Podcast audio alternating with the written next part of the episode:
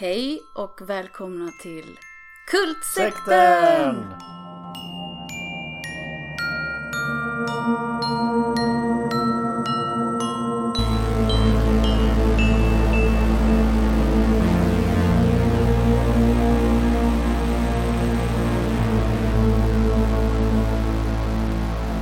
Och hej, jag heter Henrik Johansson. Och jag heter Anna Maria. Ehm, Ska vi presentera oss lite mer den här gången? än vi gjorde Okej. förr? Mm. Vem är du? Jag är skribent kan vi säga. Författare kanske. Mm. Ehm, skriver eh, skönlitteratur, kritik, översätter, håller skrivkurser. Skriver lite skräck. Och läser lite skräck. Ja, men titta inte på så mycket skräckfilmer. Nej, Jag kanske lite mitt emellan. mest med dig tror jag. Ja, ja. Ja. Och vi har sett, hur många skräckfilmer har vi sett ihop sammanlagt? Fyra, fem. Ja. Ja. Det är bra. Mm. Fyra, fem skräckfilmer. Ehm, jag eh, skriver också skräck. Och inte så mycket annat, just nu i alla fall. Men, men jag tittar på skräck. Jag tittar jättemycket på skräckfilm och jag lyssnar på skräckpodcasts. Ehm, och läser skräck. Och fantasy och science fiction, men mest skräck. ja. Mm. Jag håller främst på med arbetarlitteratur faktiskt. Så kan det vara. Så kan det vara. Ja. Och ibland lyckas jag kombinera dessa två genrer. Det finns ju mycket inom eh, liksom, klassförtrycket som är oerhört skrämmande. Absolut. Det finns mycket man kan utforska. Jag såg faktiskt en eh, skräckfilm på tema klass Mm. här i förra eller förrförra veckan. Den heter Ready or Not. Jag funderade på om du ville se den. Ja, spännande. Vad handlar det om? Den handlar om en eh, tjej från ett fosterhem som träffar en skitrik snubbe och ska giftas in i deras familj. Ja.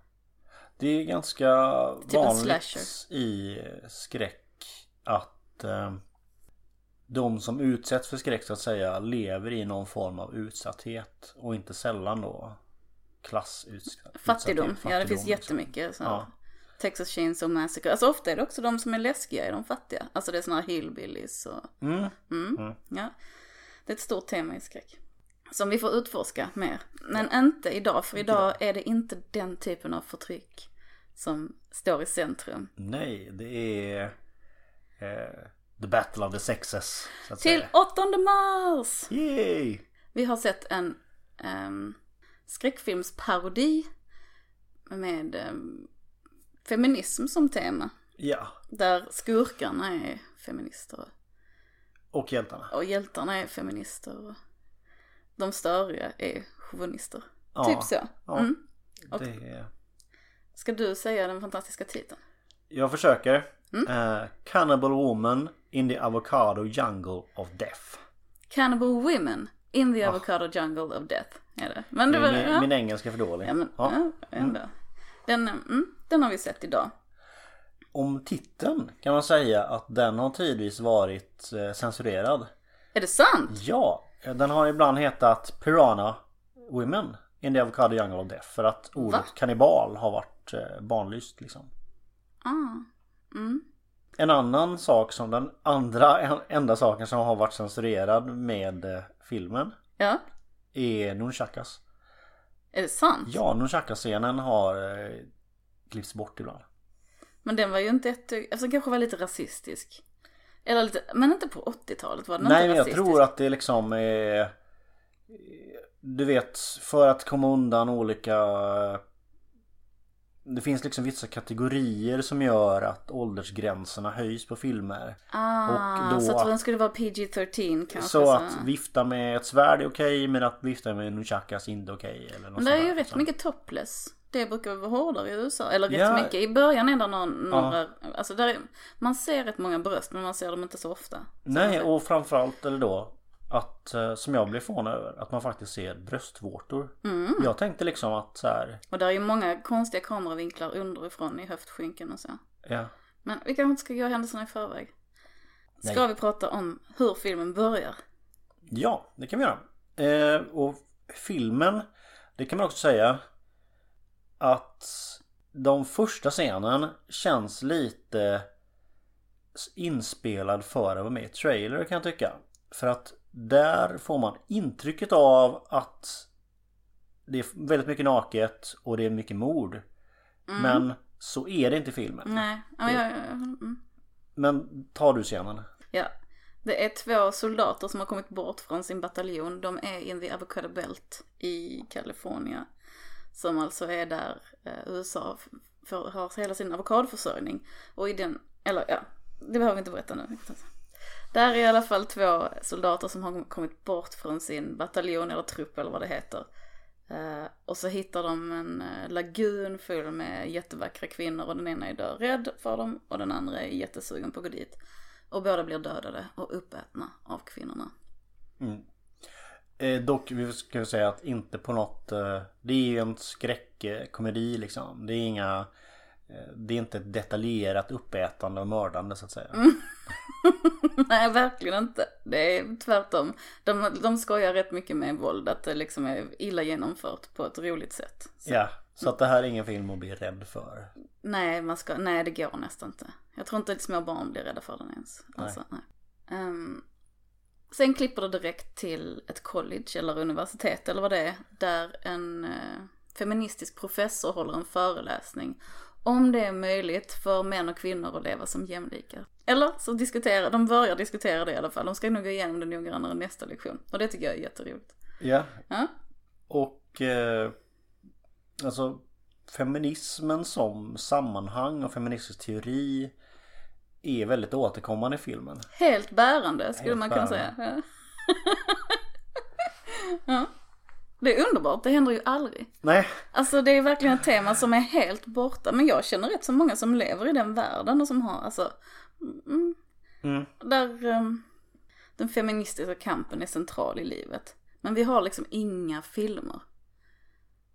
nej exakt. Och sen så och, Inte en enda där vi är lite, eller där, där det, det livet bekräftas. Liksom. Nej exakt. Och det är också Kan man väl säga att det är Det är ganska påläst är det.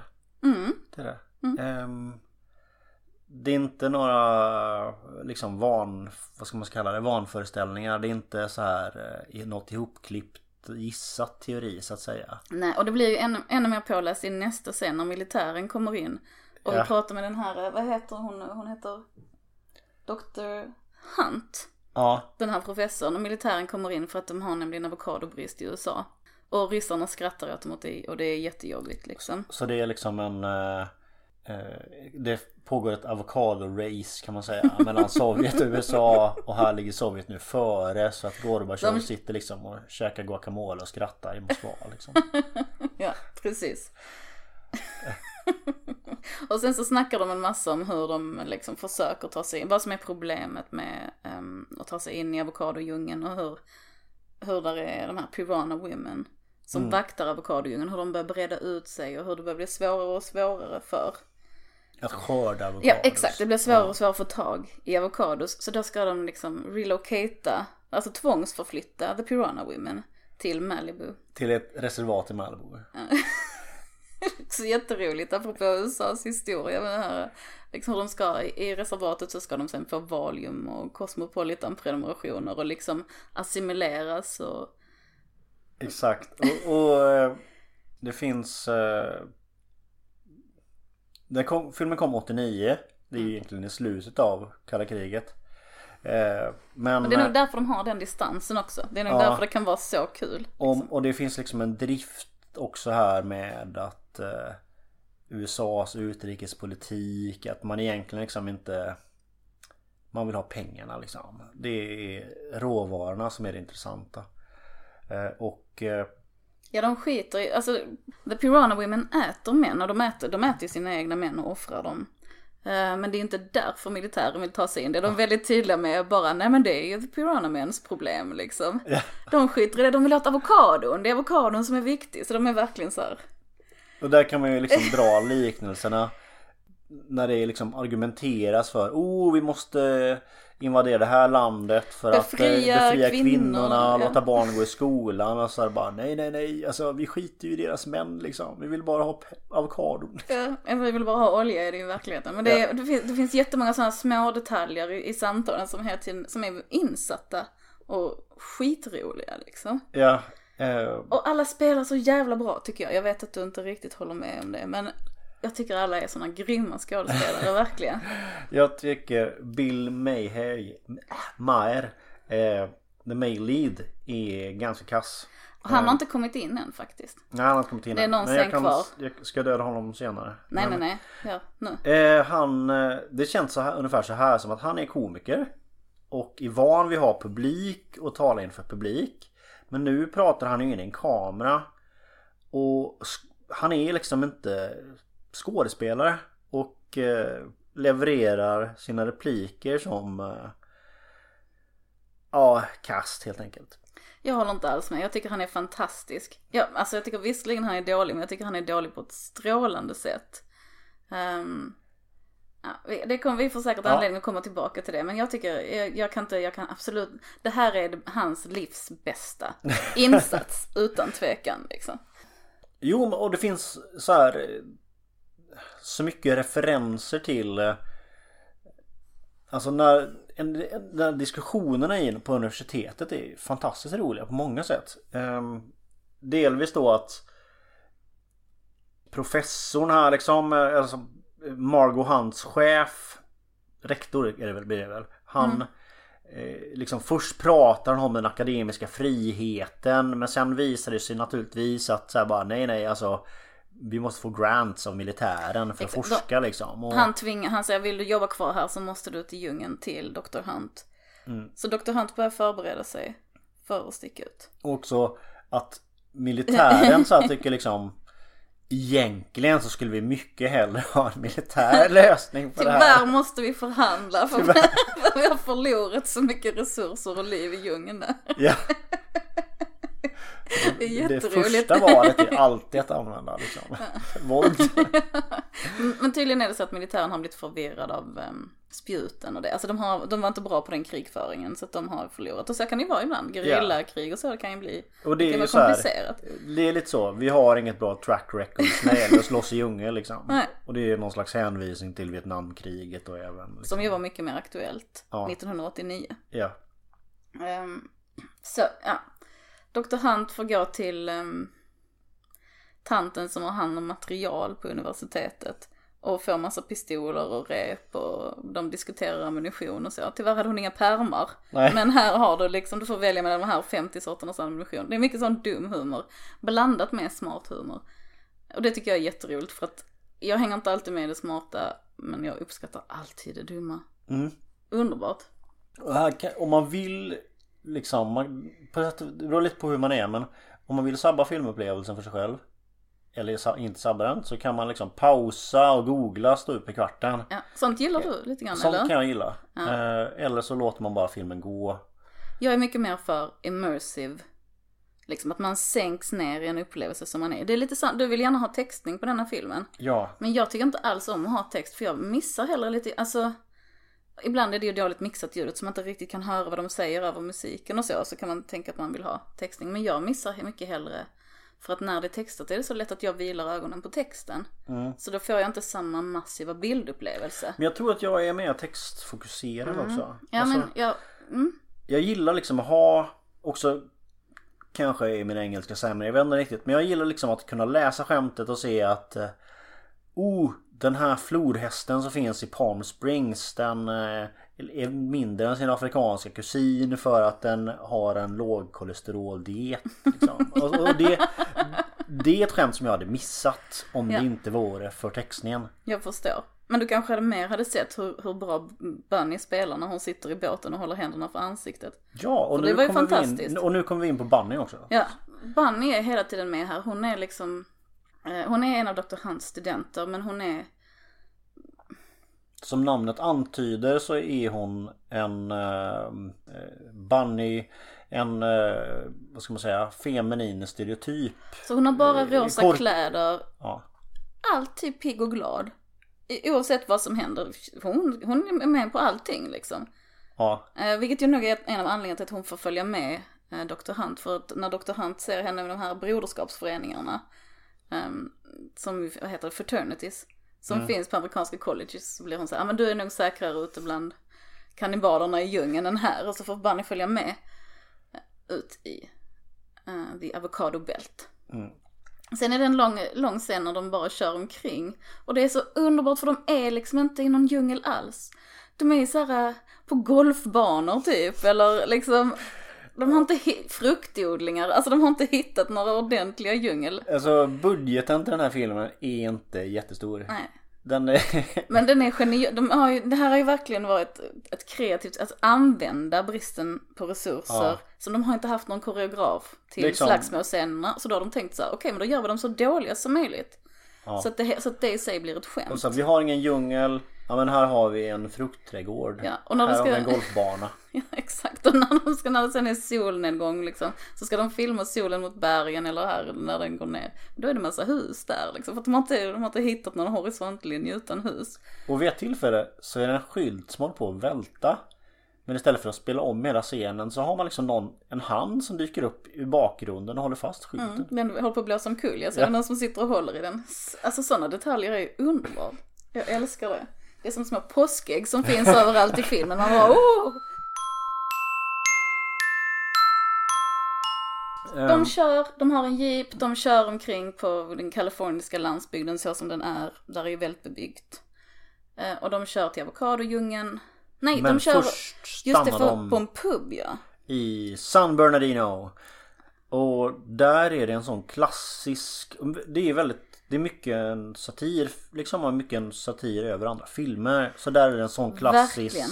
ragga legosoldat eh, guide fil- eh, scen. Ja. Och där är lite olika män som visar sina förmågor men sen blir rädda när de hör att det handlar om the Piranha Women. Ja. Och liksom, ja det är fantastiskt spelat. Alla är, alla är jätteroliga. Och så får liksom Margot tillfälle att säga Dr. Hunt I'm no ethnohist... Nej, I'm no chick. I'm an ethnohistorian with an anthropological degree. Och så kräver hon att folk kallar henne doktor och, och hotar dem med pistol. För det är såklart väldigt sexistiskt på legosoldat-haket. Eh, där är en gammal Vietnam Vietnam-veteran som först försöker komma med men sen när han får reda på att det är Piranha Women sen bara så åh nej men jag måste sticka till vettcentret.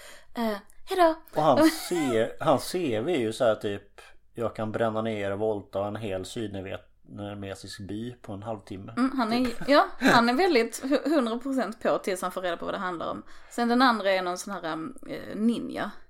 Och han, vad säger han, han ska gå och se en sam- samurajfilm så han måste också springa. Och sen den tredje är en wrestler som måste banta kommer han på så han måste också sticka. Det är jätteroligt, de är så fina. Och eh, på tal om filmreferenser så är det ju Det sägs ju om man läser Wikipedia så pratas det mycket om Apocalypse Now och boken Heart of Darkness. Men det är ju nästan mer, och här kommer jag nästan in på piskan här. Eh, Indiana Jones. Mm, ja, Indiana Jones refereras ju också men det är många, väldigt många filmer från den här tiden. Så den liksom, all musiken är återanvänd, väldigt många av replikerna kommer från någon annanstans ifrån. Ja. Så Men den är ju, leker. Temat liksom In i en djungel eh, Blir jagad av vildar eh, Det kommer ju från Cannibal Holocaust. Ja, Det är ju en, så att det, jag tror i första hand tror jag filmen är en parodi på den. Mm. Eh, och den var ju skitläskig. Det var den första found footage-filmen. ja. Och den hade ju, alltså regissören Då där. får du han- berätta vad Found footage är. Ah, det är när man har, ehm, man gör det liksom till en grej, man säger att oh de här filmerna har vi hittat och så ser det ut som att det kanske är när man har hittat någon gammal dokumentärfilmares Mm. band eller det är någon som har filmat när de var nere och klättrade i någon grotta för att de skulle det och så har man hittat det. Blair Witch är nu Ja, den mest kända. Ja exakt, det är som att man Man försöker skapa Mm. en dokumentär känsla. Ja, och, men man kan, och det leder ju också till att man, nu det här är ju, alltså eh, Cannibal Women in the Avocado Jungle of Death är inte på något sätt en found footage-film. Men vi kan ändå prata lite om det. Ofta så brukar man ju försöka i marknadsföringssyfte också luras att det är lite riktigt som Mm. ehm, Cannibal Holocaust är också inne i djungeln liksom och Ja. leta efter ett filmcrew som redan har försvunnit. Ja, precis. Ehm, De skådespelarna hade ju inskrivet i sitt kontrakt att de skulle hålla sig gömda ett år efter att filmen hade släppts. Oh, gud, Alltså det var verkligen Ja. så här för att de skulle luras att de verkligen Ja. var döda. Och regissören liksom, han blev ju tagen av polisen och han var ju sen tvungen att få tag i en av skådespelarna och visa så här, nej men alltså jag hade inte spetsat henne på en påle utan hon satt på en cykelsadel som satt fast på pålen, jag lovar. Alltså sådär. Ja, Fick och det, och det massa- var mycket... De hittar en båt som de lagar genom, alltså och det är den här dumma humorn som jag älskar. Eh, Dr. Hunt sätter sig med bräda och spik och spikar igen hålet i båten, hålen i båten. Jag älskar sån humor, jag tycker det är jätteroligt. Sen så åker de båt i en flod. Tills, Och Bunny och Jim är det som att de typ låtsas att de är på Disneyland liksom. ja, ja, Och eh, vad som, vad som händer här är väl på något vis också att, att karaktärernas relation eh, reds upp så att säga eller befästs liksom. ja, Alltså att Jim och Margot Hunt har en gemensam historia. Eh, som i sig också är skitkul liksom. Att han tycker åh du, vi hade allt, vi tillsammans, vi hade på väg att skapa någonting och men du svek det här ungefär liksom. Och hon svarar så här, alltså då jag var full och vi knullade en gång liksom. Mm. Och vi sa åtta ord till varandra. Och, och sen så blir och han bara typiskt det att räkna orden. Ja, ja. Tyckte jag var. Så då är han den liksom känsliga som har blivit sviken. Mm. Sådär, liksom, och, Och det, jag tycker att han spelar det väldigt bra. Jag tycker han har någon slags öppen sårbarhet där i början som jag, som jag tycker är jättesöt liksom. Ja, det jag, Du får hålla med om det ändå. Nej, det gör det jag inte. Men det jag vänder mig emot är att när man tittar på Bunny, på Margot, de alla andra karaktärer så tror de liksom på sina repliker. Han bara läser högt från ett papper. Ja, men jag, håller, nej, jag tycker inte han gör det. Jag tycker ändå han levererar allting. Eller ibland så försöker han men ja. Ah, ja, nej, ja, nej, jag håller inte med alls. Jag tycker han levererar allting. Han, han levererar ju som en idiot för att han är en idiot liksom. De andra är ju ändå... Jag vet inte, de andra har liksom någon slags... Man hör vad de säger tydligt. Men han mer såhär mumlar jättelänge. Precis som en störig man. Alltså han gör det väldigt bra. Ja, mm. Mm, mm. ja, eh, vi är inte överens tror jag. Men han... Eh, han Ja. blir bättre efterhand. Mm, Tycker jag, jag. tycker han, Mm. jag tycker han är skitbra från början. Men i alla fall, de, när de åker runt där i båten så får de massa grytlappar och tevärmare och sånt kastade på sig och då tror de att de blir attackerade. Men i själva verket så är det um, The Donahue, Donahues som är en annan stam som bor i den här djungeln av toffelhjältar. Som offrar saker till dem eller liksom kastar sina handarbeten till dem för att de inte ska skada dem. Eh, och de lever i någon slags symbios med The Piranha Women. Att de, de fixar hängmattor och lagar mat och sånt. Och sen så slipper de bli uppätna. Ja. Det här är oerhört provocerande för Jim. Som Jag jag ska säga tycker att de att... kommer till deras by. Ja, De kommer till, till The Donahues by. eh, Och blir bjudna på tuna casserole. Mm. Vilket jag alltid har undrat vad fan det är. Det låter så sjukt äckligt. Någon slags... Tonfiskgryta med ost typ. Det brukar Är det smält. ost i? Jag Ja, vet usch. inte. Det är det, det är kanske tunamält. Mm. Men ja, det ver- det verkar jätteäckligt i alla fall. Alltså, eh, jo. Mm, Jag säger Margot, du säger Dr. Hunt. Dr. Hunt är ju... Anledningen till att jag säger Margot hela tiden tror jag är den här kopplingen till eh, Conrads Heart of Darkness, Mörkrets hjärta och Apocalypse Now. Huvudkaraktären är- där heter ju Marlowe. Så m- namnet Margot är ju en hänvisning till, till det. de kopplingarna intresserar inte mig så mycket. Nej men... Eh, ja, det intresserar mig. ja, ja, ja, absolut. Eh. Eh, Det, var bara, det är därför jag inte riktigt plockar upp. Nej. ehm, hon är liksom framförallt någon slags äh, antropolog heter det va? Ja.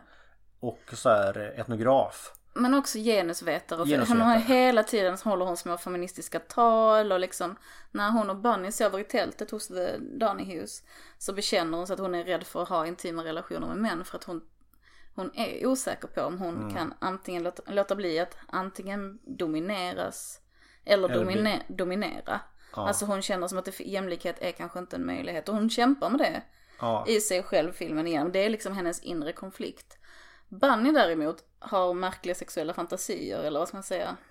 Hon vill Eh, bli som- Hon bu- dom- bunden med dominerad. lakrits Jätte, och sen vill hon att mannen ska äta upp lakritsrepen. Och hon är så här, Ja. Det berättar hon om. Och det är de... Vilket stör Dr. Hunt oerhört. Som bara vänder sig om och Ja. somnar. Hon tycker inte alls att det är en feministisk fråga vilka sexfantasier som är okej. Men det hade jag tyckt. Det är väl en rimlig, Ja. rimlig diskussionsfråga. Men deras, den dialogen där är, är jättebra. Ja. Ehm, All dialog i den här filmen är jättebra.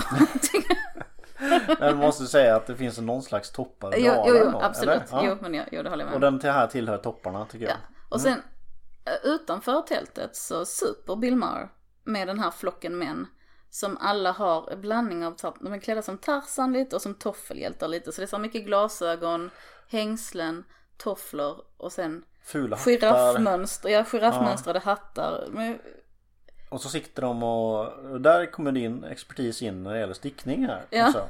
De sitter och låtsas sticka. ja, de håller på med låtsashandarbete hela tiden och det är superroligt för de har inte en tråd på en sticka. Alltså, eller en, alltså där de håller alla stickor fel och så. Så det är också charmigt att ingen har brytt sig om sånt. Alltså detta är, det här ska inte se verkligt ut någonstans. Nej och deras kläder är helt makeshift på något ja. vis. Och Det är, de har liksom, plastflamingos runt sina hyddor. Alltså det är ju, det är som att eh, The Piranha Women Deras pilar till exempel så har de typ påskfjädrar på pilarna liksom. ja.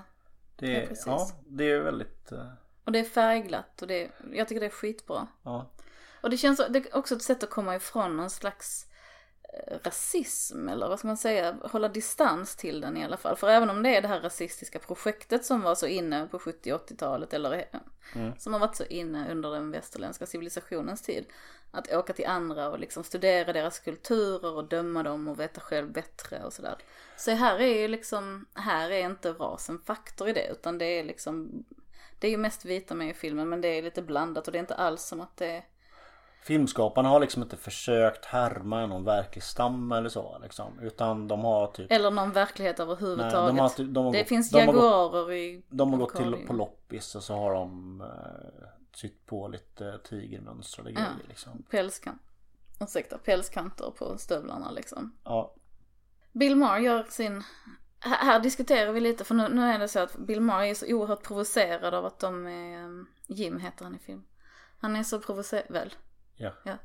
Han är så provocerad av att männen är underdåniga. De är inte bara underdåniga utan de är också som apor eller grottmän lite grann. Men Ja, de- det stör inte honom utan det är just att de bugar för kvinnor som stör honom. ja men de går knappt upprätt Nej, överhuvudtaget nej, jag. nej, de kryper mycket eh, och- Typ går på alla fyra. Men jag tror också att det är ett sätt att visa vördnad Ja. för kvinnorna för att de är mer upprätta när de bara är män.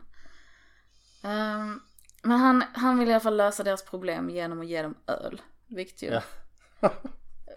Man- funderar på hur han har kunnat bära med sig så mycket öl. Men skitsamma, det är jättebra att han har ölen där. Så alla Ja. blir fulla. Och här, måste, här diskuterar vi om han är full på riktigt. Jag tror det, jag tror inte att han kan. För att han spelar full. Jim. Du tänker att han är för dålig skådespelare Jag tror för inte att han kan. kunna spela så bra? Alltså det är möjligt att han gör, han gör ju en fantastisk insats.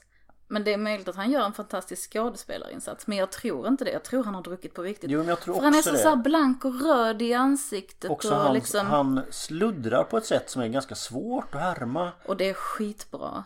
Ja. Ja. Jag tycker, jag tycker det är method acting eller någonting. Jag tycker det är bra. Ja, det är riktigt att han engagerar sig liksom. Eller inte engagerar sig. Han använder sin arrogans kanske. Ja, det är skitbra. Jag Eh, tänker också att det är en lågbudgetfilm på 80-talet. Någon ska spela full. Ja men då får de dricka fyra öl istället liksom. Skitgött. Ja. Sen så hetsar han männen till att bli våldtäktsmän i stort sett. Alltså sådana toxic masculinity liksom. Att de måste ta för sig. Wow. Skrika åt kvinnor så här. Ja, Hej sexy mamma! Liksom. Och de får träna på det. Och sen kommer Bunny upp och vill ha en kopp varm choklad. För att det är en av de grejerna de gör är att servera varm choklad stup i kvarten. Och då försöker de, då försöker de, sens, eller då försöker de gruppvåldta henne, alla de här The Donny Hughes. Vilket också är en jätterolig scen för att de tar så försiktigt i henne och backar och sen bara hukar de runt henne. Så att det är liksom ingenting, och hon skriker och de, alla låtsas att det är våldsamt. Men det finns liksom, det finns inte en spänd muskel, det finns inget våldsamt i något kroppsspråk. Och då kommer Dr. Hunt och skjuter i luften och skriker på dem. Det är lite som att de går närmare De påminner lite om så här grådvärgarna då. Vad jag menar. Ja, ja, Eller brumplissar Ja. kanske. Ja, så här, ja. Men jag gillar det jättemycket att uh, allt våld är så oengagerat Det är och icke-våld. Ja. Alltså- Det är, ja. Som, liksom, det, som du sa, det finns inte en spänd muskel liksom. Nej. Vad, vad händer sen då? Alltså det, det kan det är väl det med, jag tror att det är frågan varför man får, vad händer sen, att man måste tänka efter det att Handlingen är ju så väldigt mycket att karaktärerna pratar med varandra. Det är jättemycket dialog Och ja. så, alltså de börjar bege sig ut på floden igen. Och under tiden så pratar man om vad var det som hände här? Varför var de så våldsamma? Varför sa du det? Ja, nu Och har så- du förstört deras kultur liksom. Ja exakt och nu så det enda, det det, din uppskattning av När du försöker få dem att bli manliga så är det att bli våldsamma till exempel. Liksom. Ja, precis. Mm. Så det, och det är, pågår hela tiden diskussioner kring ehm, maskulinitet och feminitet och jämlikhet. Och våld och dominans. Och sen kommer Bunny hela tiden också som en comic relief och det är lite som svårt att återberätta hennes. Mm. Men där är något tillfälle när de bråkar om, först så börjar de, säger han massa män som har gjort bra saker och så säger Dr. Hunt en massa kvinnor som har gjort bra saker. Och sen börjar Jim säga en massa kvinnor som har gjort dåliga saker. Och då räknar Dr. Hunt upp typ allt dåligt män har gjort genom historien. Varpå Bunny säger, ah, så män har åstadkommit en del. Alltså hon är hela tiden, hon speglar hela tiden allting med en missuppfattning som är, blir supercharmigt. Och hon gör det så bra. Ja, Hon, hon, ser är... hela tiden glad och, alltså det, det är något valpigt över henne som är svårt att spela. Hon sitter liksom, ni vet så här och nickar glatt och engagerat och speciellt allting som Jim säger. Så bara yeah, ja, ja, mm, mm, mm, Ja. ja. Det var likadant när militärerna kom, hon fick ju vara med i de här hemligstämplade diskussionerna eftersom ingen bryr sig om Bunny liksom. Fick- Satt hon också och nickade bara, jaha, avokadoshotigt, jaha. Mm. Allting bara, allt är fine med Bunny. Det kommer ju in på snart igen här men eh, när det gäller Bunny så är det däremot, ska man säga, det är ingen liksom empatisk eller eh, omhändertagande feminitet. Nej. Som hon speglar utan det är snarare en slags eh, eh, konsumistisk, eh, konsumtionsinriktad ytlig pryl liksom. Mm. Och sen också att hon är nöjd med precis vad som helst och precis allting. Mm. Det är för att också så när hon höll på att bli gru- gruppvåldtagen, när de pratar om det efteråt i båten så säger Dr. Hunt på att de höll på att gruppvåldta Bunny. Så här som någonting hemskt och hon bara ja. Det, är inte, det engagerar inte henne särskilt liksom. Hon bara, "Ja, något mer än värre och bryr sig inte. Alltså sådär, hon har liksom Ja. jättelugn med allting på ett sätt som är totalt vansinnigt men också väldigt charmigt. Det liksom är noll integritet, ingenting någonstans. Hon bara du du du. Och eh, ja men som till exempel när den här, en av de här, den här fratboy killen föreslår eh, Säger så här, åh du kan vara med i en wet, wet t-shirt contest. Så bara, men alla mina t-shirts är torra. Så bara, ja men det ordnar vi. Så bara, jaha okej. Tack! Liksom. Nej, allting är, allting är superbra. Ja. Så det, på något sätt så är det väl som att Dr. Hunt ska ha någon slags moderskänsla för henne eller den typen av relation till henne. Och där är några scener när de sitter i båten när Bunny liksom lutar sig lite in mot. Dr. Hunt. Mm. Och Dr. Hunt navigerar i djungeln sådär med båten. Som ser väldigt fina ut, en väldigt fin så här ömhet Ja. av något slag dem emellan. Men för Som det jag- mesta slutar det med att Dr. Hunt blir irriterad på Bunny. Hon gillar inte idiotin. Mm. Hon blir provocerad av den. Vilket jag inte förstår. Jag tycker den är jättebra. Men, Men hon är lite f- eh, Ibland är hon ganska snabb på att bli irriterad. Kan jag tycka. hon har kort stubin ja. Ja. Hon vill... På Bunny speciellt. Ja. Eller, ja, på Jim också. Jim också faktiskt. Ja.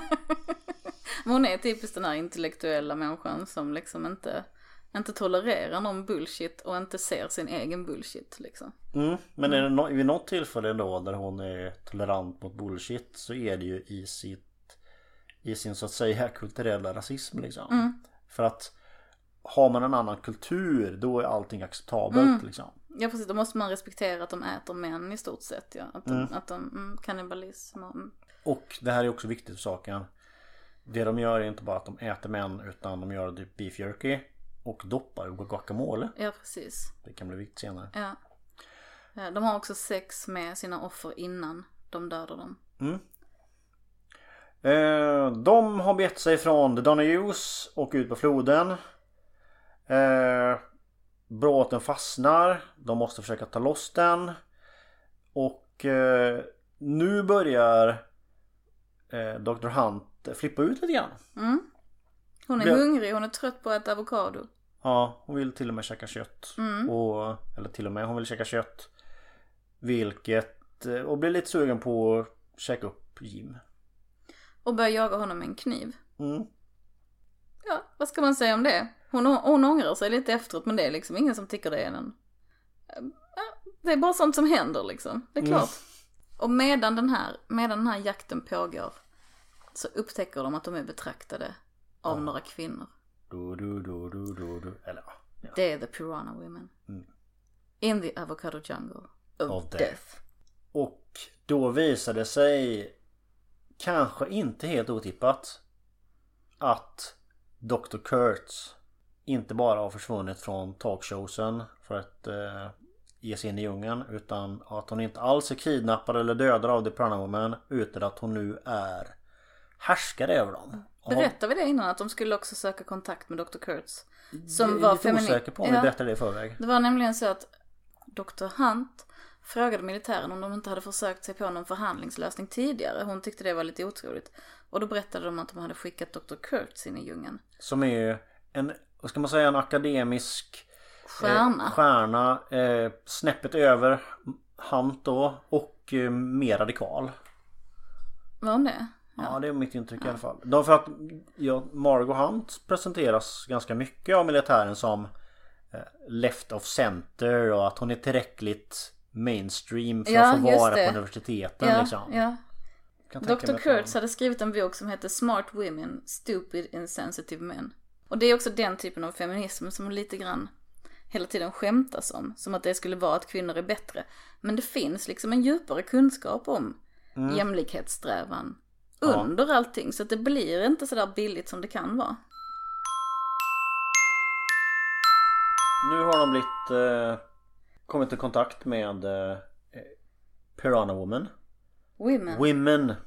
Plural. Plural, jag är dålig på engelska. Ehm, och eh, Förlåt att bevis- jag rättar dig hela tiden men jag kommer att rätta dig hela tiden. Ja men det är bra. Det är bra. och eh, så eh, har det visat sig att det är Dr. Kurtz som har blivit eh, ja, nästan demigod där liksom. Eller härskare, kejsarinna. hon, ju- är liksom, hon är hövding liksom. Kan man säga. Hon, hon är också skådisen, är det inte dina favoriter? Ja, det är Adrienne Barbeau. The Scream Queen. Ah, jag älskar henne så mycket. Det är, lite, ja, det är inte många jag har den relationen till. Men Dolly Parton också är en sån som jag kan, jag kan bara titta på henne och sen är jag nöjd med det. Alltså jag kan bara sitta och stirra och så bara tycker jag att det, där är någonting med utstrålningen som gör mig bara, Ja. jag kan inte få nog liksom. Jag kan bara stirra och stirra. Och jag har någon skittråkig podcast med Adrienne Barbeau. Alltså där hon blir intervjuad som jag lyssnar, alltså. Ja. Så igår var jag hos tandläkaren och skitgrej för tandläkaren. Alltså jag är så dumt rädd för tandläkaren. Jag ligger liksom och skakar i stolen. Men då lyssnade jag på henne när hon snackade om en massa bullshit om hur hon har spelat i liksom, ja men du vet så här, eh, vad heter den? Jessica Fletcher, vad fan heter den? Murder She Wrote. Ja. Jag lyssnade på en podcast när hon pladdrade på om det. Jag är, det är få saker jag är så ointresserad av egentligen. Men det var så lugnande. Någonting med hennes röst, med hennes närvaro. Hon har något eh, sällsynt hårt över sig. En råhet, Hon har en ja. råhet över sig som är ovanlig för de här sexsymbolskådisarna Mhm, liksom. Verkligen. Eh, Jag tänker mest på henne från Flykten från New York. Som är en film som jag har sett jättemånga gånger. Har du det? Ja, Jag har bara sett den en gång tror jag för 30 år sedan. ja det är helt Nej men okej alltså. 25 år sedan i alla fall. Ja. Ja. Men uh, Adrienne Barbeau slog igenom som Rizzo. Den original Rizzo i Gris. Uh, Grease. ja. Eh, hon sjöng alla lättfotade flickors liksom tröstesång som jag själv gick och sjöng hela gymnasiet som är jättefin. Mm. Som heter There are worse things I could do. Aha. Jag är faktiskt osäker på om jag sett Grease. Jag Men jag ska se om jag kan våga sjunga låten lite. Okej, det? ja kör. Ah, jag blir nervös nu. Jag tror inte jag skulle vara det. Jag brukar sjunga så mycket. There are worse things I could do then go with a boy or two. Even though the neighborhood thinks I'm trashy and no good. I suppose it could be true. But there are worse things I could do. Är det inte, men låten är, låten är världens bästa låt. Ja, då måste jag gå hem och lyssna på den sen. Ja, eller, mm, eller för, för prestationsångest och låtens vägnar, det är ju en Grease-låt. Men om man är lite, liksom, om man har lite dåligt rykte när man går så här i högstadiet eller gymnasiet så tycker jag, tycker jag den är jättefin för att det är verkligen så här, vad, är problemet liksom? Sen sjunger hon om alla värre saker hon kunde göra och det är inte hemska saker. Det är Ja. bara så här, Ja. jag skulle kunna snacka skit och vara störig liksom. Det gör jag inte. Ja. Jättefint. Ja. Och så är den så sorglig och så är det hon med den utstrålningen. Förlåt, vad skulle du säga om Swamp Thing? Swamp Thing har jag mest, eh, är för min del mest eh, serietidning. Mm. Egentligen. Och därifrån det kommer. Men Mig hon- med faktiskt, jag har bara läst serien Ja. tror jag. Sen så försökte vi kolla på remaken, jag och min sambo, av tv-serien. Mm. Som gjordes en säsong förra året tror jag. Eh, Och vi såg den. Och Adrien Barbeau var med där också lite grann. Oh, ja. Men den, jag vet inte, jag vill ha det här, jag vill att Swamp Thing ska vara en del av naturen. Jag vill att han ska vara så stor och mäktig som han är i serien. Mm. Alltså i den tecknade, äh, ritade serien, i serietidningen. Nu är det en katt som går runt här, det kanske stör ljudet, vi får se. Vi får se. Han Ja. klättrar på, Oh. men Blixa. Blixa, du får gå Eh. härifrån, kära katt. Men jag kan i alla fall säga att om man gillar sånt eh, att eh, i Swamp Thing så spelar hon mot ehm, jag vet inte vad han heter Leland i alltså Leland Palmer. ja Leland Palmer från Twin Peaks Ja, han är också med i allt som är bra. Adrien Barbeau är också en sån. Hon har också varit med i något Star Trek-avsnitt. För att hon är ett geni och är med i allting som är bra. Ehm, hon har varit med i The Thing faktiskt. Har hon? Ja, Okej. det är ju inga kvinnor med i The Thing, men datorn har en röst. Aha. Och den rösten är Adrienne Barbeaus. För hon var nämligen gift med regissören John. Carpenter. Okej mm. Hon har Eh. också spelat i, The, Th- i Dimman, The Fog. Ja, Mm. på tal om uh, vara med i allting som är coolt och så Mm. Så den här regissören till Kannibalkvinnorna däremot Han eh, har ju Det här är typ hans bästa film Han har ju också Pretty Woman och Nej, det är författaren väl? Förfa- manusförfattaren är väl Pretty Womans... Det är väl bägge två? Han är Aha. väl också regissör tror jag Okej. Och, eh, och, och under belägring med. Jag vet inte, vad fan heter han? Under Siege Jag vet inte alls vad det är du Han, det är någon så här som är Har typ svart bälte i japansk morgongymnastik eh, Och är störig idiot Skitsamma mm.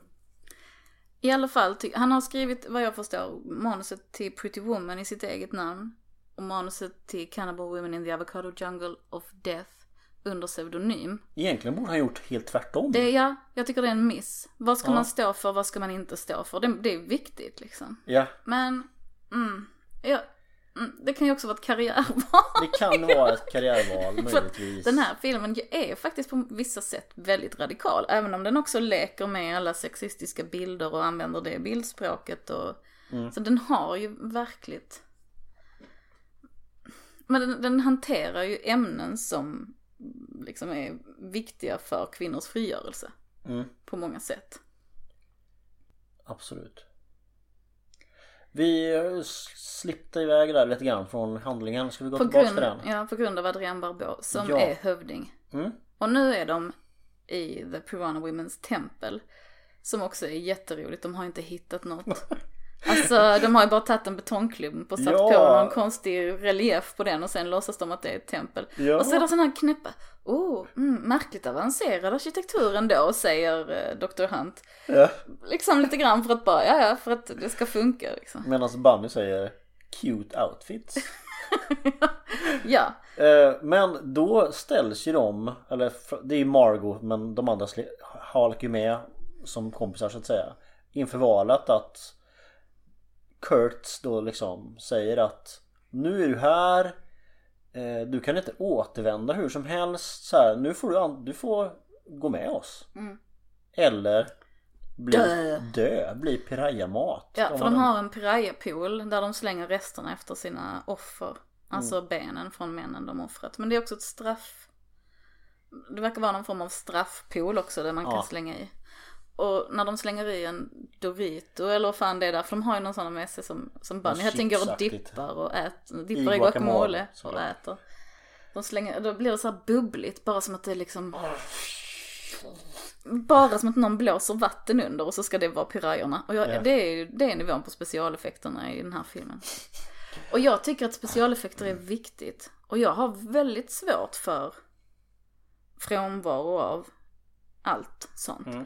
Men jag tycker de gör, det, de gör det så himla bra här så det blir ändå ett plus. Jag vill inte se blod och gore, jag vill bara se bubblorna liksom. Ja. Eller det, de gör inte det bra, men det dåliga är så ärligt dåligt. Ja. Och här är ju eh, Här är Margot den här rakryggade eh, ideologiska personen liksom. Som så bara nej om jag ska, jag kan inte gå med på att eh, mörda en annan människa för att gå med i eran stam. Nej för det är det som är villkoret, hon måste ha sex med en man. Och Det kan sen hon döda honom. Ja. Och sen så ska de då äta honom. Och hon kan ställa upp på sexet säger hon. Mm. För jag tror hon är lite betuttad i, i sitt offer.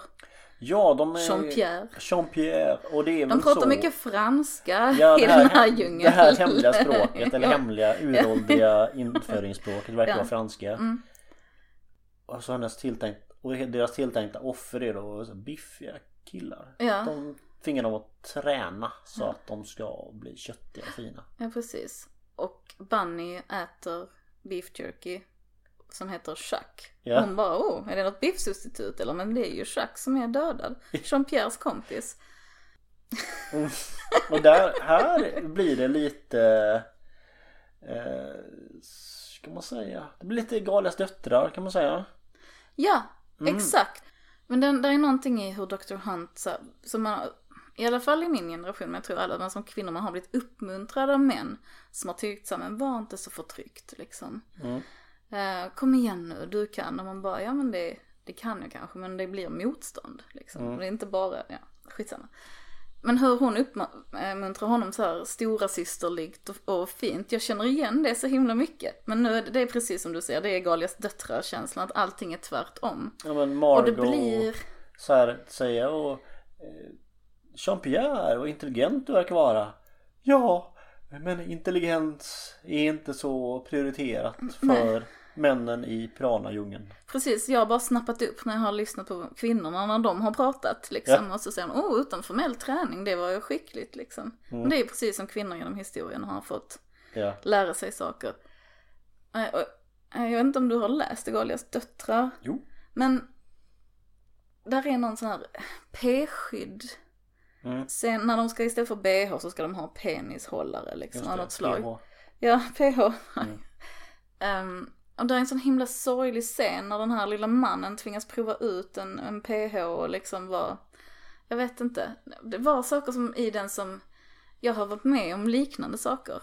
Och inte tyckte att det var så farligt. Och sen läste jag i Galias döttrar och såg honom drabbas av det där och bara tyckte det var skithemskt. Mm. Och lite den känslan får jag faktiskt här också. Att man bara, den där uppmuntrande scenen till exempel, att det gör lite ont i en. Ja, man visst, bara, visst. åh, ja. Men, Men alla... den, jag måste bara säga att den smärtan i ramen inom en komedi, Ja. jag tycker det är underbart. Ja, jag det tycker det är är- så fint när det får finnas. Och... Visst, ja, men det är liksom också ja, så här, typ, skickligt liksom. Tycker jag. Eh, Barney har inte eh, samma inställning till livet. Eh, Hon tar vad hon får. ja, hon bara... Vi har inte sagt det så mycket men Jim han är också liksom extremt klumpig. Han gör nästan alltid fel bakvänt. Han bufflig och störig. klumpig och så här, liksom. Och han är bara "Ja, Bunny, nej hon, hon skulle aldrig äta upp en man för att eh, döda mig och äta upp mig för att eh, komma med i hans stam. Och så bara jo, jo, jo, gärna. Ja. Så här, liksom. Ja, nu kommer katten igen. Blixa, då får, kan du lägga det här. Kan vi stry, Ah. stryka sig mot micken? Blixa. Ehm, Jag kan inte heller slänga ut honom när det regnar känner jag. nej. Ja men Bunny vill bli en Piranha Woman för att hon tycker det är cute outfits. Det är hela anledningen. Ja. Men jag tror också hon vill höra till. Att hon Ja. liksom har en, en längtan efter gemenskap. Det, det uppfattar jag också. Hon vill vara... Nu kommer katten igen och trasslar in sig i sladdarna för helvete. Ja, men när detta hon går, är mitt liv. Du vet om, när hon, går, när hon är med i, i feminist studies då blir hon bli feminist liksom. Ja. När hon är på home cooking class så vill hon bli hemmafru. Liksom. Ja. När hon är i, i djungeln så vill hon bli, piranha woman. Ja, liksom. men hon är verkligen så. Hon. Det som finns, det vill hon gärna ha. Mm. Ehm, så hon, hon erbjuder sig också att döda Jim. Mm. Och ha sex med honom först. Men filmen är så lättsam och eh, eh, så. Så att eh, Jag tror inte att- Jim blir liksom inte dödad. Nej, men däremot så är det en underbar sån här, jag ska bara hutta bort katten igen. Så, en underbar Asterix eller så här serietidningsscen när Jim sitter i ett stort, i en stor gryta och njuter av att de äntligen tar hand om honom och behandlar honom som han förtjänar. De så här tvättar honom och så är det någon som står bredvid och så här skär morötter ner. Du vet man skär så här, man håller i moroten och skär med sin tum- tumne över grytan. Jag har aldrig gjort det i hela mitt liv men de gör det alltid i serietidningar. Inte jag heller. Har ju ändå jobbat som kock. Ja men man gör inte det Nej, särskilt man ofta. använder Men, ju skärbrädan. Ja. Liksom. Ja. Ehm, Här tycker jag filmen blir eh, mer oförutsägbar liksom. Vilket är rätt gött. mm, Ehm, även om handlingen är inte så superviktig.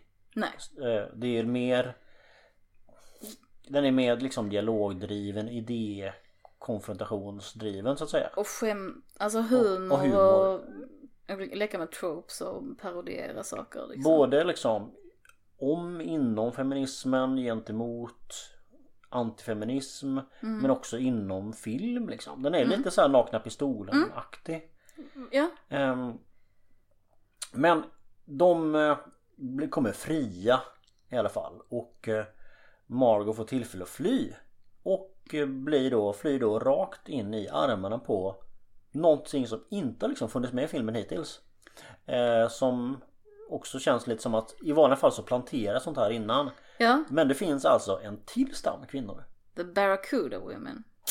Och de har en tusenårig fade med The Piranha Women. Och Om- då säger, nu kör vi en replik. Ja.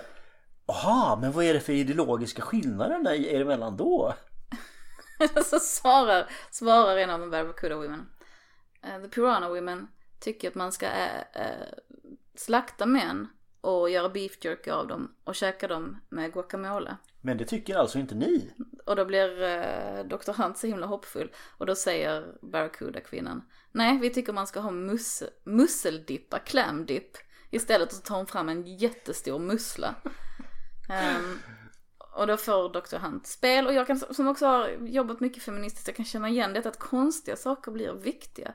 Och viktiga för mig också kanske, men att man liksom... Alltså det är väl också så man är det var så för alla som liksom förtryckta grupper eller på olika sätt som försöker organisera sig att det blir mycket interna splittringar för att man, Och liksom splittringar som ligger kvar som kanske var liksom relevanta för 100 år sedan, 50 jag år kommer, sedan. vi har ju varit politiskt aktiva i samma kretsar och varit på olika sidor i en konflikt en gång. Ja. Och sen har vi, vi har ju pratat om den konflikten, det här var 20 år sedan. Och vi var liksom osams vad vad en person, vad gällde det? En person skulle göra någonting eller inte göra någonting. Det var på den nivån. Mm. Det var ju viktigt för någon, nu skäms jag men mm. Men det ligger, det ligger liksom kvar, hela den konflikten i den här rörelsen. Eller hur? Mm. Fortfarande. Ja. Det finns fortfarande eh, människor som kommer ihåg det och är sura. Och du var det inte helt, jag hade faktiskt glömt det lite men jag har ju så dåligt minne. Men du var ändå helt, höll fortfarande med dig själv, eller hur? Ja, När vi, höll med mig själv. eller du tyckte så att du hade stått på rätt sida och, Ja. eller hur? Ja, ja, ja. Ja? ja. Men, eh, men jag tror att det har någonting med att göra med, alltså jag menar också att rörelser som är under attack hittar ibland liksom ideologiska skillnader inom sig själva liksom. Man splittras när man Ja. är Och man har även- tendens att politisera alla konflikter istället för att bara säga att det här, är, det här är en sak vi är oense om. Så ser man det stora hela tiden tror jag. Ja, Men jag kommer ihåg när vi pratade om det någon gång så sa du att det var, och det hade du rätt i också. Eh, Jag har tänkt på det mycket sedan dess, att när det, man drabbas av mycket repression så blir det splittringar inuti Ja. också. Att det liksom, det våldet tas in i gruppen. Och det här var ju efter Göteborgskravallerna. Ja. Eller hur? Så det kan mycket väl vara därför som det blev så himla stora konflikter. Absolut. Men jag tänker också att det är saker som har lite med gruppdynamik och sånt att göra också. Ja, Alltså jag menar se på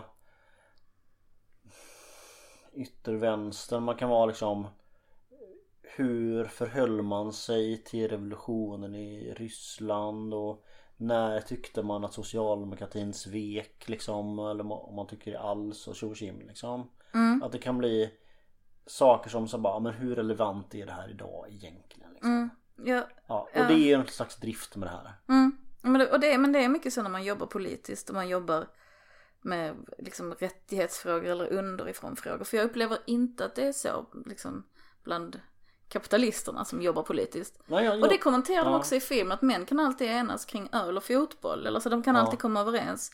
Men kvinnor kan det inte. Och det gäller nog inte bara kvinnor, utan det är ju just Mm. när det är så himla viktigt för en. För att det, det gäller liv och död, tänker man. Och plötsligt börjar allt gälla liv och död liksom. Ja. Eh, så! Margot. Musseldipp, Musseldipp. Avokadodipp. Är inte det musseldipp sjukt konstig grej alltså? kläm. känner- Ja, men jag känner igen helt, ordet klämdipp, men det låter ju Det låter jätteäckligt. jätte, typ doppa chips i musslor liksom. Alltså, jag har ja. hört talas om clam chowder. Jag är vegetarian. Ja. Jag har hört talas om clam chowder också. Och jag tycker det låter så jävla äckligt. Ja. Slembobbar som blir slemmigare tillsammans på något vis. Så du är med på guacamole-sidan? 100 procent på Jo guacamole. men eh, ja det är nog också här. Ja. Men de, Eh, och det, det, de, försöker ju, Margot eller Dr. Hunt, organiserar ju här The Piranha Women och är lite White Savior. mm. Men och går in i, eller då- hon organiserar då- Barracuda Women ja, och går in men då- bland Piranha, Women. Exakt och då blir hon ju så att säga hövding över dem kan man säga. Men, och, men hon har också väldigt så här. Ja men okej ni är splittrade på den här frågan. Då gör vi så att vi bildar en kommitté där det är hälften Piraya, Piranha Women, hälften Barracuda.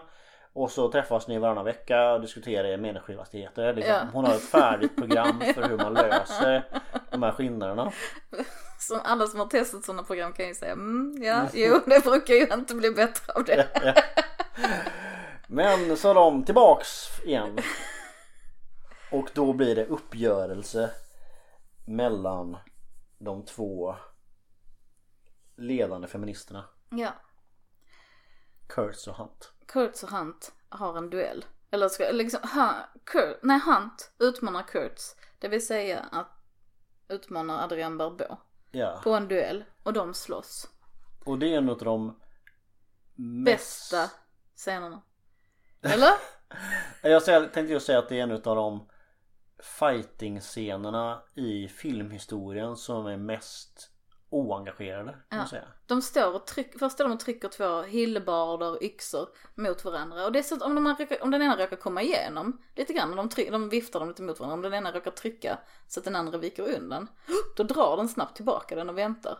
Och sen när de byter vapen så bara lägger de ifrån dem sakta och tar, de säger ingenting, ja vi ska byta vapen. Sen har de värjor och så fäktas de jättelänge medan de har sin långa ideologiska diskussion. Nej, Ja. de har sin långa diskussion om Um, Kurtz berättar om hur jobbigt det var att vara feministisk stjärna och pratar med David Letterman och Mm. liksom tvingas Hon hela måste tiden. vara med en ny bok nu känner jag för att Ja. kunna ha en chans att komma upp i talkshowsen igen. Ja, och det, då har hon kanske utnyttjat Piranha Women lite grann för det. Exploaterat dem för egen vinning. Mm. Och då är ju Dr. Hunt anklagar henne för det. Liksom, att Och du inte ens... Och Kurtz försvarar sig. Nej jag tänkte inte alls skriva en populärvetenskaplig bok utan det skulle vara en akademisk avhandling. och Hunt bara, jag har läst dina outlines liksom. Det håller De är det. sjukt dåliga. ja, det håller inte alls rätt kvalitet. Och så fäktas de och sen lägger de ifrån sig, eller sen så lägger Adrian Barbeau ifrån sig vapnet. Och hon när hon pratar, alltså jag kan bara sitta och glo på det, jag skiter i vad hon säger. Det är någonting så fantastiskt med henne. Men hon går in i Dr. Hunts värld. Mm. Så det är inte att Dr. Hunt dödar henne utan det är att hon liksom stiger in i värjan. Ehm, och sen så kommer hon att tänka på mer hur hon kommer få dem, hon kommer tillbaka till civilisationen. Om hon måste prata med Dr. Eller vad säger jag med David David, Letterman igen och så säger hon the horror, the horror och sen doppar hon huvudet i piraj, poolen. Som ett sätt att begå självmord, att Ja. pirayorna äter upp hennes huvud liksom. Men där kan jag också tycka att det finns en eh, intressant pryl mot riktad mot både lockelsen och kanske då fördärvet med någon slags massmediafeminism. Ja, Liksom. ja. Det är så här, för att samtidigt som det är the horror att vara med och bli driven med på David Letterman show så är det ju dit hon vill liksom. Mm. Så att man vill ha uppmärksamheten fast den förstör den. Och det kan också finnas något sånt tycker jag väldigt mycket i vår tid. Om att man tänker sig att att jobba för någonting är detsamma som att skapa opinion kring det. Mm. Vilket det inte alls behöver vara. Det finns jättemånga sätt att jobba feministiskt som inte handlar om att skapa opinion på en större, alltså nå ut till stora massorna.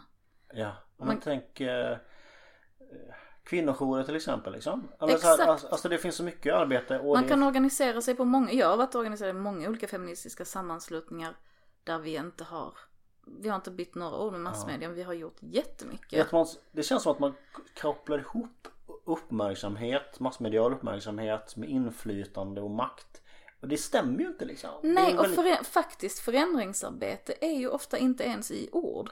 Det är ju ofta i handlingar. Alltså det är att se till att folk har husrum, någonstans att ta vägen, någonting att äta. Man gör att det de som är- behövs istället exakt. för att prata om vad som behövs liksom. Och det är någonting som faktiskt fr- frustrerar mig väldigt ofta med nu, vad ska man säga, dagens samhälle. Men jag har upplevt i, i, under de 40 år jag har levt tycker jag att jag har sett en rörelse som, som jag tänkte på när du sa att jag är nog mer för text också, men det är ju inte exakt samma sak du menar, men en rörelse mot orden. Mm. Bort från handlingen, bort från bilden, ljudet, Mm. rörelsen, bort från allting och in i orden. Att det, ord är sanning liksom. Och ord är det som är viktigt.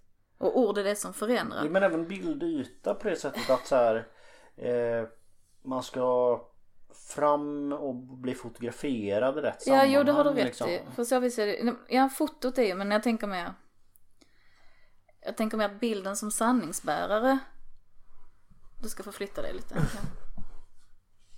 Mm. Bilden som sanningsbärare försvinner tänker jag. Ja. För att fotot i sig är ju ofta inte, alltså man vet ju att folk inte ser ut sådär och Mm. ja. Så att ordet blir på något sätt en, vår enda förändringsväg. Mm. Eh, som man ser det. Och det, jag förstår att människor blir maktlösa i det. För det är talk is cheap Ja, liksom. jag tänker att Jag vet inte, jag har redan sagt så att, att det är så generellt och att det är fel i väldigt många frågor Att det handlar inte om att synas mest utan om att få rätt liksom Mm. Eller som också någon gång du sa i något sammanhang där att det handlar om att vinna. Så kan det ju ofta vara egentligen. Alltså i förändringsarbete. Att man behöver man behöver bli starkare än någon som hotar en eller man behöver, så är det i alla fall i jourkvinnorörelsen, att man måste, jouren måste liksom vara starkare än de individuella männen som är ute efter. Ja. Måste ha bättre boende, bättre skydd och så. Ehm, Och, och grejen är ju att i praktiken här eh, The Piranha Women De klarar sig ju i, på grund av sin militära makt så att säga. Women, Women. Förlåt. Ja Det är Ja men ja, liksom, de har våld, våldskapital. det, är- det, är sitt våldskapital Ja. liksom som de lever på Ja, och det, det är gött. Exakt Vad händer sen då när Dr. Kurtz är död? Men det är väl ändå så att Hur slutar den? de, eh, i den här slutstriden Mm. Dr. Kurtz dör men innan så eh, så, så krossar liksom ändå Dr. Kurtz illusionen om att det här reservatet skulle vara en eh, någon slags möjlighet. Alltså det har, Ja. man, ju hört, det har man ju kanske Så Det har man- tittare har, man ju fattat att det är inte är en hit att flytta till ett Nej, reservat att bli liksom. tvångsförflyttad till reservat i USA ju, har ju en gammal tradition och det brukar sluta med död liksom. Ja, eller så. det är- Mm. det är ju, har ju varit en oerhört stor utrensning. Men det är till exempel då Dr. Kurtz berättar liksom att ja de har redan tecknat tusentals prenumerationer på Cosmopolitan liksom. Och det kommer bli, ja precis och så säger hon så det kommer bli en massa eh, liksom bimbos som drar omkring, eller det kommer bara ta några år så finns inte The Piranha Women utan det kommer vara kvinnor som, bimbos som drar omkring Och letar efter sushi. efter ett bra sushi-ställe i Malibu. Varpå Bunny genast svarar, jag vet ett bra sushiställe i Malibu. Det är så himla, hon levererar det så. Åh, var tog hon vägen? Det är synd att inte hon har gjort mer. Ja, jag faktiskt tror att hon är med i en del tv-serier. Men jag tyckte också att jag liksom känner igen henne. Hon har varit med i Return of the Killer Tomatoes. Som Ja. också är en av de viktiga skräckkomedierna. Den har inte jag sett men jag skulle väl, väl gärna se den. Mm. faktiskt. Ja. Eh, de, eh, nu är liksom Barracuda och Piranha är allierade nu. Och eh, ja, Kurtz, nej, är död. Eh, Hunt, Jim och Bunny beger sig tillbaks till stationen liksom. Och det första stället som Hunt då själv sticker till är ju Malibu. Och där sitter militärerna och liksom väntar på att skriva in The Piranha Women i reservatet med pool och solstolar och så berättar de att de ska få läkarbesök och de ska få Valium direkt. Så att de ska gå på Valium och läsa Cosmopolitan. Och eh, ska få lyssna på föredrag av Nancy Reagan. När de skulle få dricka te med Nancy Reagan hade de Te planerat med in. Nancy Jätteroligt. Ja, exakt. Och så, så, och så nämner de massa antifeminister och borgerliga kvinnor som vi kanske inte riktigt kommer Nej, ihåg det- längre. Men det spelar ju ingen roll. Här kan det vara lite tidstypiskt Ja, kanske liksom. men man fattar ju ändå exakt vad det är frågan om. Man tror, man fattar ju Ja, vad det är typ Ebba Busch Thor liksom. Ja, precis. Och det är där också den här, där står ett blädderblock med regler för dem i reservatet. Och det är där det är en hand som sticker in och håller fast den och håller på att blåsa iväg. Det är jätteroligt. Det bara kommer in en hand i bild som håller nere blädderblocket. Det är Ja. så underbart. Så då, då blir det som att Istället för att skära filmen annorlunda så bara har de kvar det. För jag menar varför flytta kameran när man kan ha en hand med som håller fast ett blädderblock? eh, Och här då blir det ju så här Okej nu avslöjar du oss lite grann här Sen Ja. militärerna men då så då, du måste ändå göra som vi vill annars kommer vi ta bort the funding liksom Ja, just det. För eh, universitet Universitetets genusavdelning och ja. Mm. Som ju traditionellt är militärt finansierad. Mm. Och,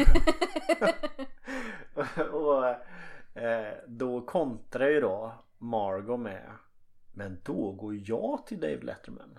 Just det, så slutar den ja. Och så säger hon någonting om att jag kan bara se liksom föraktet på Davids face eller något sånt. Och militärerna bara krymper ihop och bara blir hennes undergivna liksom. Mm.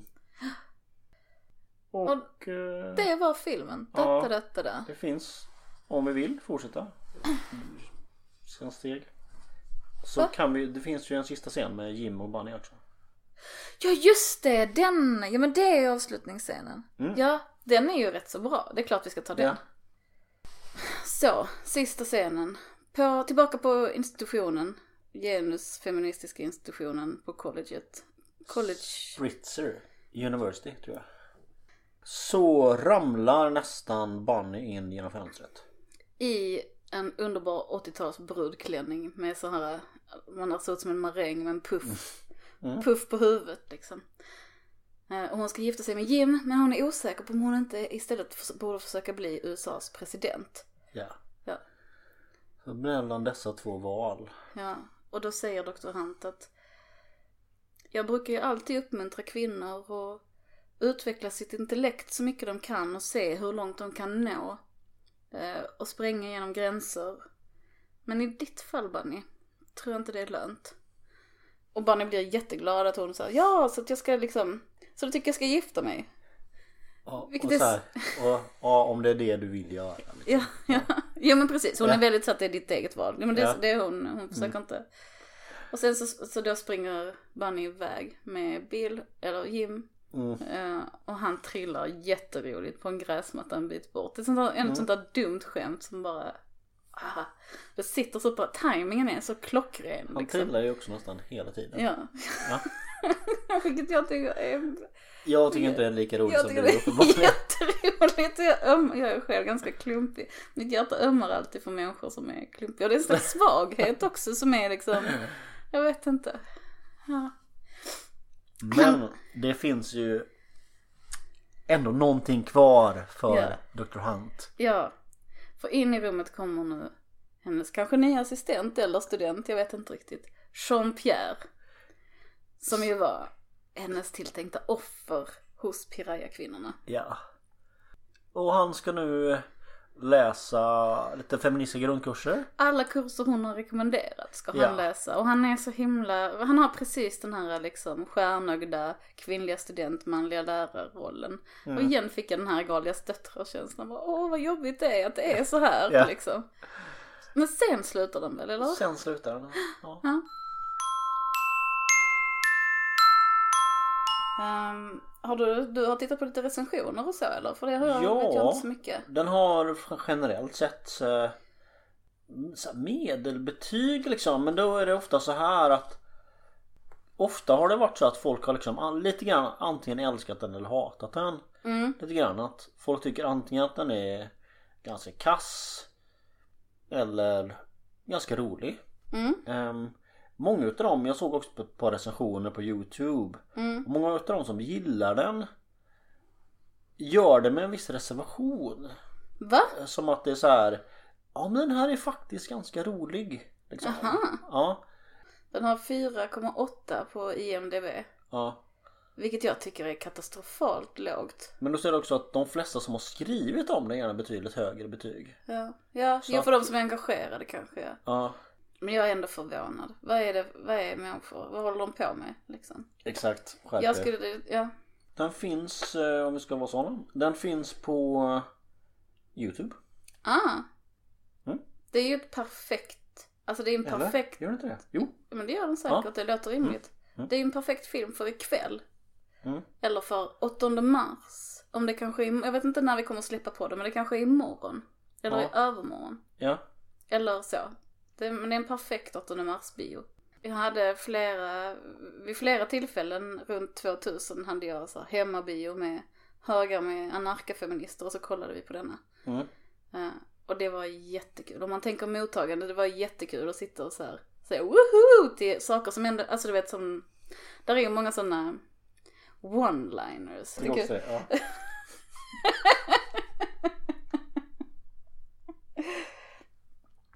Andra, kannib alltså kannibaltemat är ju väldigt vanligt i skräckfilm. Det är ju The Hills of Ice och eh, Texas Chainsaw Massacre och många så här klassiker Mm. är det ju kannibalism med. Och det är kanske ing, det är inte mitt favorit, om inte man räknar med zombies Mm. så är det inte mitt favorittema annars i skräck. Nej, nej. Jag tycker inte att det är så, alltså tanken på att äta människokött är för mig inte så skild från att äta djurkött. Mm. Alltså det finns en skillnad absolut. Skulle jag välja så skulle jag ju välja djurkött.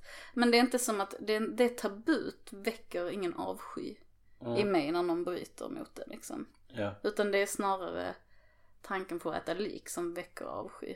Jag skulle nästan hellre se filmer om vanlig köttkonsumtion. Okej. Ja. Skräckfilmer alltså. ja. Jag äter kött men jag... Eh, jag vet inte om det är därför men jag... Jag vet inte, alltså när jag var liten liksom. Ja. Då kunde jag liksom vara, bli rädd för att bli uppäten av en haj när jag var ute och simmade. Jag Ja. kunde bli rädd för eh, att bli överfallen av en vampyr när det var natt. Men tanken på att liksom att bli kannibaliserad slog mig nog aldrig riktigt tror jag. Ja men det kanske är någonting på spåren där för det, det kan nog vara så att det är något som görs, inte alltid i alla skräckfilmer men ofta är det ju någonting som görs mot en när man är död. Mm. Mm. Och det känns ju inte, det känns ju inte så, alltså vad som händer efter döden känns ju inte Alltså, som att det angår en man så... kan bli rädd för att bli dödad liksom. Ja precis, men, man sen tar ju rädslan slut på något sätt. Det Ja. kan nog vara en del i det. När ska man se den här filmen? Jag tror... eh, jag började titta på filmen vid något tillfälle. När jag satt i någon, eh, på något tåg i någon tyst avdelning. Och speciellt med tanke på att det är så mycket nakna bröst i inledningsscenen. Så kändes det som att nej det här var inte rätt läge riktigt. Eh, det, ser, det ser ut som att man sitter och tittar på en mjukporrfilm de första ja, fem ja. minuterna Mm. ungefär liksom. Mm. Eh, men annars, alltså gärna med kompisar Mm. tycker jag. Ehm, det den är framförallt rolig liksom. Men jag har också, någon gång har jag sett en så här, eh, en dålig kväll. Mm, Och det är faktiskt så när du kom hit och jag har magkatarr mm, och sovit dåligt en vecka, du har också sovit dåligt lite grann. Jag ska inte, skit i det, jag kan prata om mig själv. Ehm, var liksom skitsur och ur gängorna när du kom hit. Men efter att vi hade sett filmen så hade jag inte ont i magen längre och kände mig helt glad och bara uh! Mm. För att den är väldigt, alltså man kan använda den lite som medicin. Ja. Och det, tror jag, det är en sak som jag har, har glömt säga någonting, men jag tror det har med pacing att göra. Att det händer hela tiden någonting intressant. Där är liksom inga dö... Alltså de förflyttar sig hela tiden och det är hela tiden en... Alltså handlingen går framåt i en sån perfekt takt. Och filmen är inte en sekund för lång. Som de flesta filmer där är någon som har. Men samtidigt är det inte som, för i vissa filmer kan det också vara så att det är så himla packat att det händer saker hela tiden. Och så är det ju inte heller. Ja, Här, det är förmodligen, det kanske är bara ett missöde men i många filmer känner jag att du vet så allting har ett mening och ett syfte. Ja, Men här är det inte riktigt så. Utan det finns en del oförståeliga grejer. Eller som jag sa bara, varför har de med den här scenen? Varför har de med den här grejen? Och det är mycket som är, det är ett skönt icke-tempo på det sättet att det finns Allting är inte så självklart och det, fanns, det finns ganska märkliga saker som är svårförutsägbara. mm. Men det, det är hela tiden intressant. Och det tycker jag, men det är nog precis som du säger, när en film är en tydlig linje från en början till ett slut. Med liksom stegring av händelser. Då blir det, man vet ju vad som händer hela tiden, man vet ju var man är i det hela tiden. Men här är det så här, jaha, så kom de till The Donahues, men de ska ju till The Piranha Women. Och så kom de till The Piranha Women, aha. Och så kommer de till The Barracuda Så Women. bara, Alltså så, hur va? mycket är det här liksom? Ja, precis. Ehm, och det tycker jag väldigt mycket om. Och sen att allting går så lätt framåt, rör sig hela tiden framåt med en lätthet som jag tror är mycket Bannys förtjänst. Hennes Ja. hela tiden små kommentarer till allting. Mm. Ja. Men det var ju inte när man ska se filmen. Eller lite. Det man kan se filmen när man vill bli, pigga upp sig Ja, liksom. då tror jag det är bra att se den. Då, då tror jag det är bra att se den tillsammans med någon. Eftersom humor blir på något vis roligare när man också hör någon annan som skrattar Ja. och fnissar lite grann liksom. Absolut, men jag har sett den själv en dålig kväll också och suttit och skrattat och känt mig mindre ensam i världen liksom. Ja. Så att den är ju, och sen så är ju Adrian Barbeau med så det är ju också någonting som läker själen. Ja. Ehm. så ska vi sätta någon slags betyg också? Mm. Ja men jag säger att den får en sjua. Av sju möjliga. Nej av tio. Aha. Eh, för mig drar Bill Mayer ner betyget. Gör han det? Ja. Ja, jag förstår inte det. Jag tycker ett sånt, han är ett sånt plus. Mm. För, för att han är ju liksom manshatet. Alltså allt det som manshat riktas mot, det är han på alla sätt. Det är så himla bra att han är där som den projektionsytan liksom. Du får Fast väl, är, alltså, det är hans, ja men det är hans roll men han är så dålig skådespelare liksom. men det är, han är full och han, och han är ju olig. Jag tycker han är jättebra. Jag, men jag tycker faktiskt han är bra. Jag tycker man ska spela den rollen precis så. Ja. Fast han spelar ju inte rollen tycker jag. Men ja. Nej ja. men det kan vara så att han är lite den personen ja. Mm. Men det, ofta har har jag också känslan att han bara är sig själv och han är så här. Men det är det jag tycker gör det så bra. Men nu får du sätta betyg. Ja. Men jag tror den får en nia Mm. av mig. Av tio möjliga. Mm. Också för att det är en film som jag har haft med mig i 20 år och liksom som har, Ja. som har haft ett, har haft ett positivt inflytande på mitt liv. Så då måste det, det måste den ju liksom ha cred för. Absolut. Men ska vi säga att vi är färdiga där? Mm, Ja. Vi ska bara säga vad vi ska se nästa gång. Då har vi pratat om att vi skulle se The Thing. Och jag vill skitgärna se The Thing. Mm. Och du vill jättegärna se The Thing. Japp. Men, sen har jag tänkt vidare. Vi har, vi har sett 28 Days Later som är 20 år gammal. Och vi har sett denna som är 30 år gammal. Och de senaste åren har ju varit fantastiska när det gäller skräckfilm. Ja. Och du har typ inte sett någon samtida skräckfilm. Nej. Så då måste vi kolla på samtida skräckfilm först och så kollar vi på The Thing sen. Det får vi väl göra kanske då. Och då har jag två försla- förslag. Ja. Antingen Mandy Mm. eller Hereditary. Hereditary känner jag igen namnet i alla fall. Mm. Men det vet jag inte. Okej. Det är en, väldigt, det är en visuell film. Och, och en ond film. Mm. Okej. Det får jag ha tanke på tror jag. Mm. Eller- Det kan ni faktiskt Ja. höra om någon vill, om någon tycker någonting så säg det. Och vi, ja, det har varit jätteroligt att få feedback på sociala medier. Shit vad kul, tack ni som har Mm. Tack. skrivit. Och alla Och- förslag. Ja! Och extra Mer. mycket tack till Cordelia som uppmärksammade musiken i introt. Det, eller Cordelia, jag vet inte hur du uttalar ditt namn. Men tusen tack, jag blev jätteglad. Det är jag som har gjort det. um, ja, men tack alla. Hör supergärna av er. Skriv till oss på Instagram, där heter vi Kultsekten. Thank you.